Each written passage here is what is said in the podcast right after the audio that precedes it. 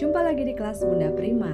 Kali ini kita akan membahas satu topik yang sangat mutakhir di abad ini, yaitu anak-anak dan gadget. Banyak sekali pertanyaan yang masuk mengenai anak-anak dan gadget. Apakah gadget itu baik untuk anak usia dini? Mulai usia berapa anak-anak bisa dikenalkan dengan gadget? Berapa jam waktu penggunaan gadget pada anak? Dan bagaimana mengatasi kecanduan pada gadget pada anak usia dini? Nah, pertanyaan-pertanyaan ini akan saya jawab diskusikan bersama-sama dalam rangkaian serial gadget dan anak-anak.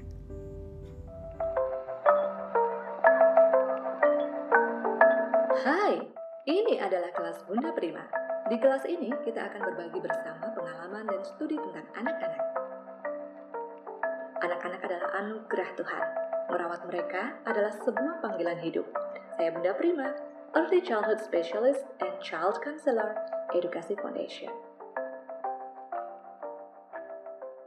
Topik mengenai gadget dan anak-anak ini sejatinya adalah topik yang kontroversial ya. Beberapa orang menganggap gadget ini bisa memberikan stimulasi kepada anak-anak usia dini untuk bicara, bahasa, kognisi, teknologi, kemampuan teknologi dan sebagainya. Apalagi di era masyarakat uh, 5.0 ya di mana teknologi itu merajai, anak-anak harus belajar dong. Dan mereka mesti tahu gimana itu teknologi. Kita ajarin aja cara-caranya bagaimana supaya mereka bisa menggunakan teknologi dengan sehat. Bukankah demikian? Tetapi ekstrim yang lain mengatakan bahwa anak-anak usia dini belum waktunya untuk mengenal gadget sebagai bentuk teknologi. Mengenal teknologi yes, tapi mengenal gadget dalam bentuk teknologi belum. Ya, saya setuju dengan yang kedua. Ya, anak-anak tetap harus mengenal teknologi dengan cara sesuai dengan their developmental appropriate. Makanya di dalam serial ini kita akan membahas tuntas itu dari akarnya, dari dasarnya supaya betul-betul waktu kita mengambil keputusan untuk anak-anak kita, kita paham betul, kita mengerti benar dan kita tidak mengambil keputusan yang salah untuk masa depan mereka. Saya mau paparkan dulu satu riset, ini riset udah lama ya dan dilakukan di Amerika tapi ini bisa jadi gambaran seperti apa sih penggunaan gadget di dunia itu sekarang ini ya.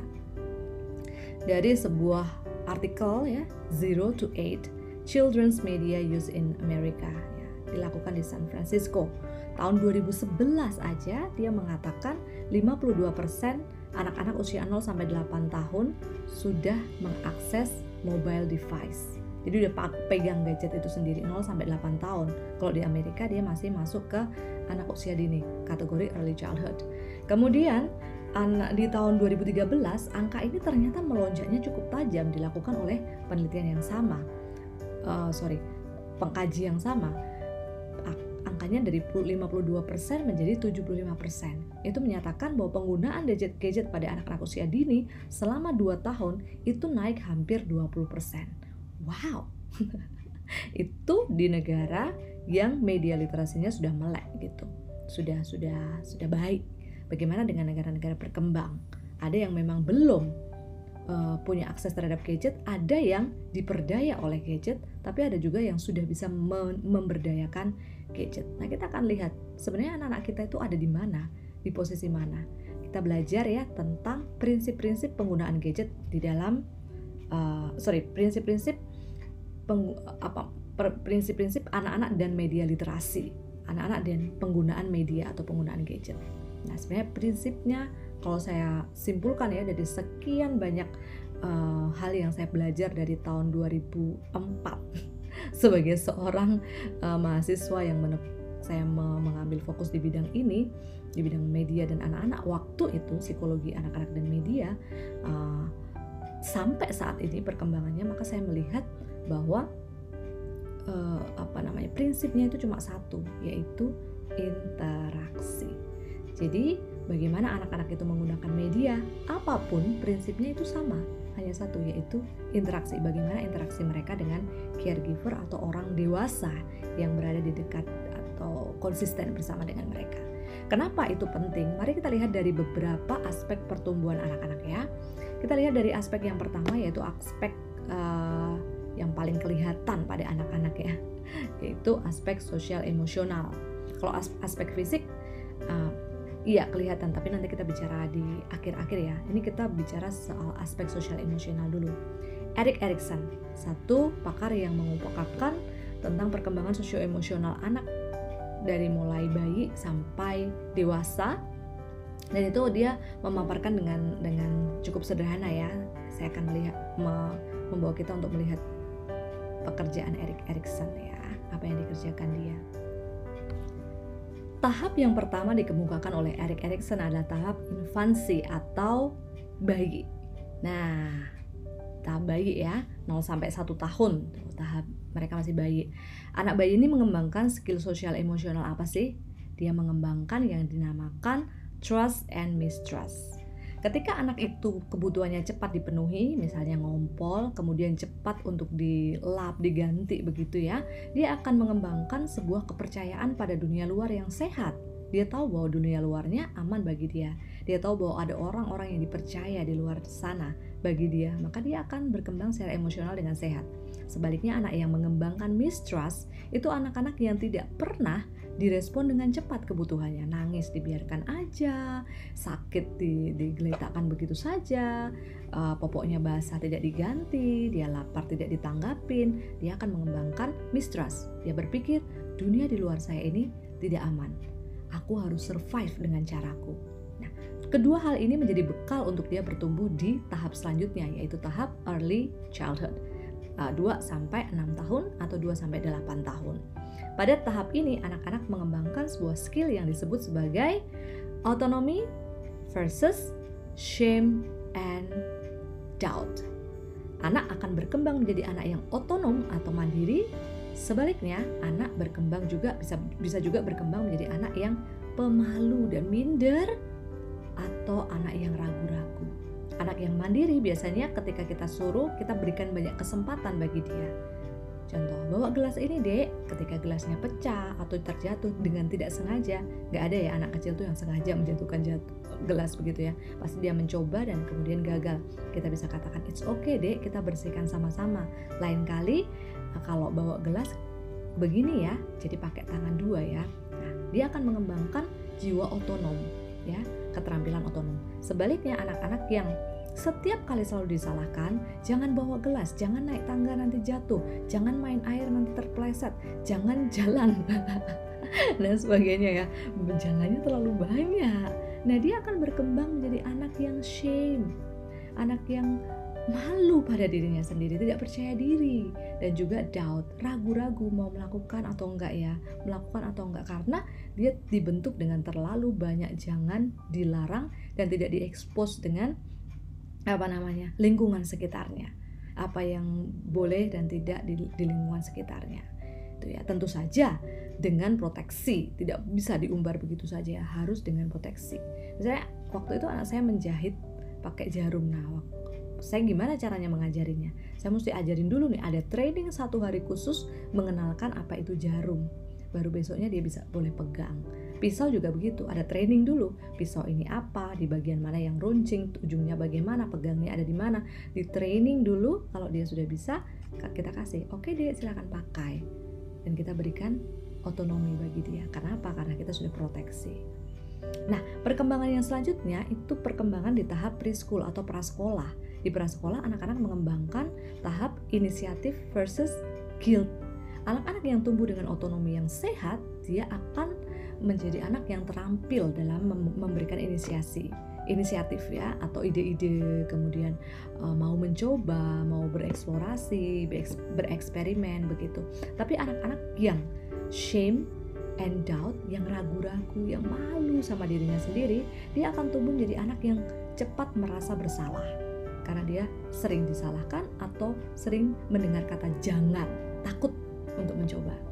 Nah nantinya pada saat school age, usia school age atau usia sekolah, anak-anak akan berkembang menjadi yang anak-anak yang yang uh, inisiatif dia akan berkembang menjadi anak-anak yang industrious, anak-anak yang rajin, bersemangat, produktif begitu ya. Sementara anak-anak yang guilt atau yang suka merasa bersalah, minder begitu, dia akan berkembang menjadi anak-anak yang inferior.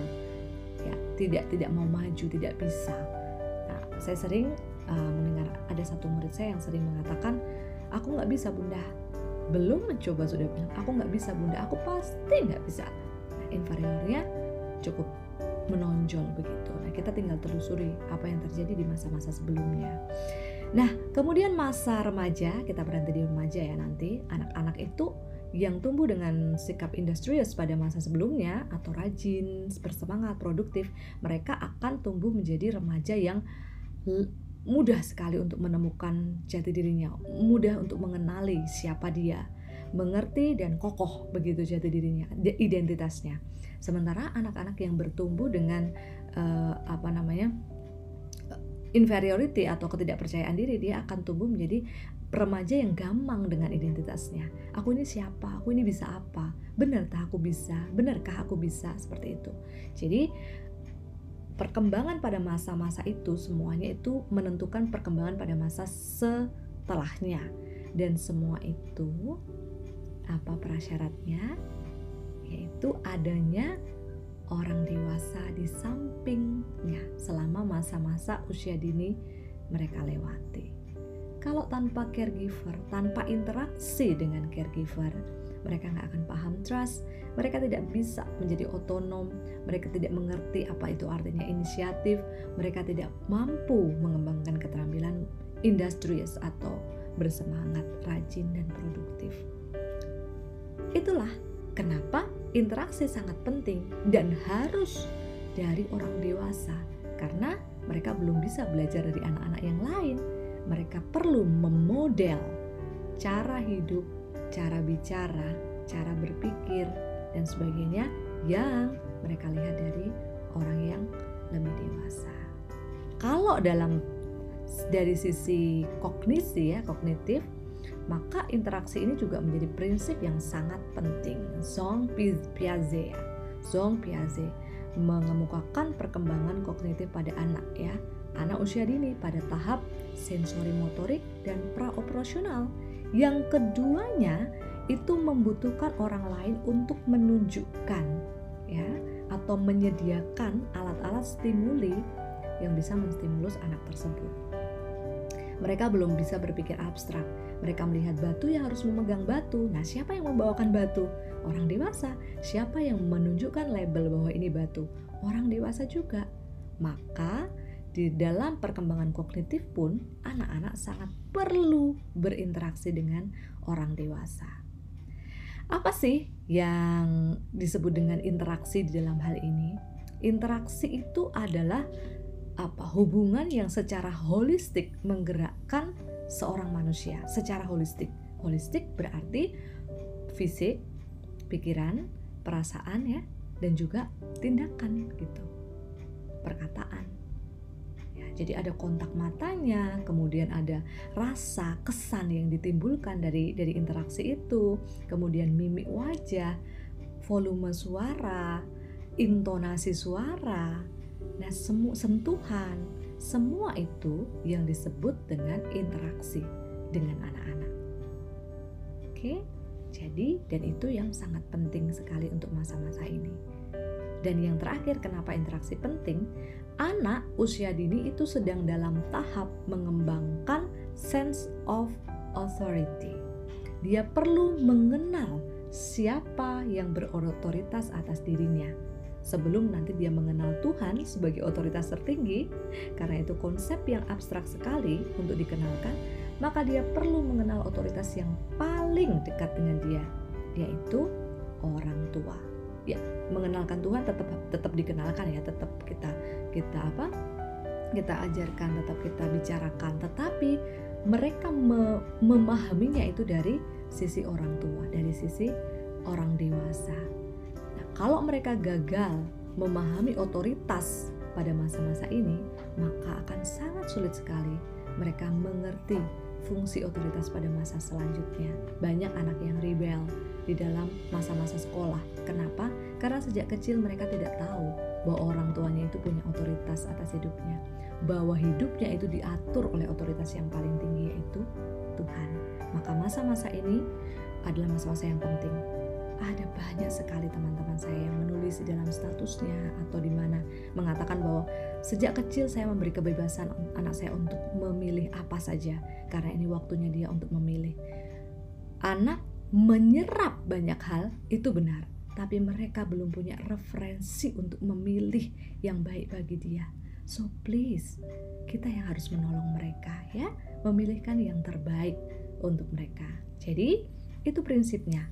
Prinsip utama untuk melakukan media literasi terhadap anak atau memelekkan anak terhadap media yaitu prinsip interaksi.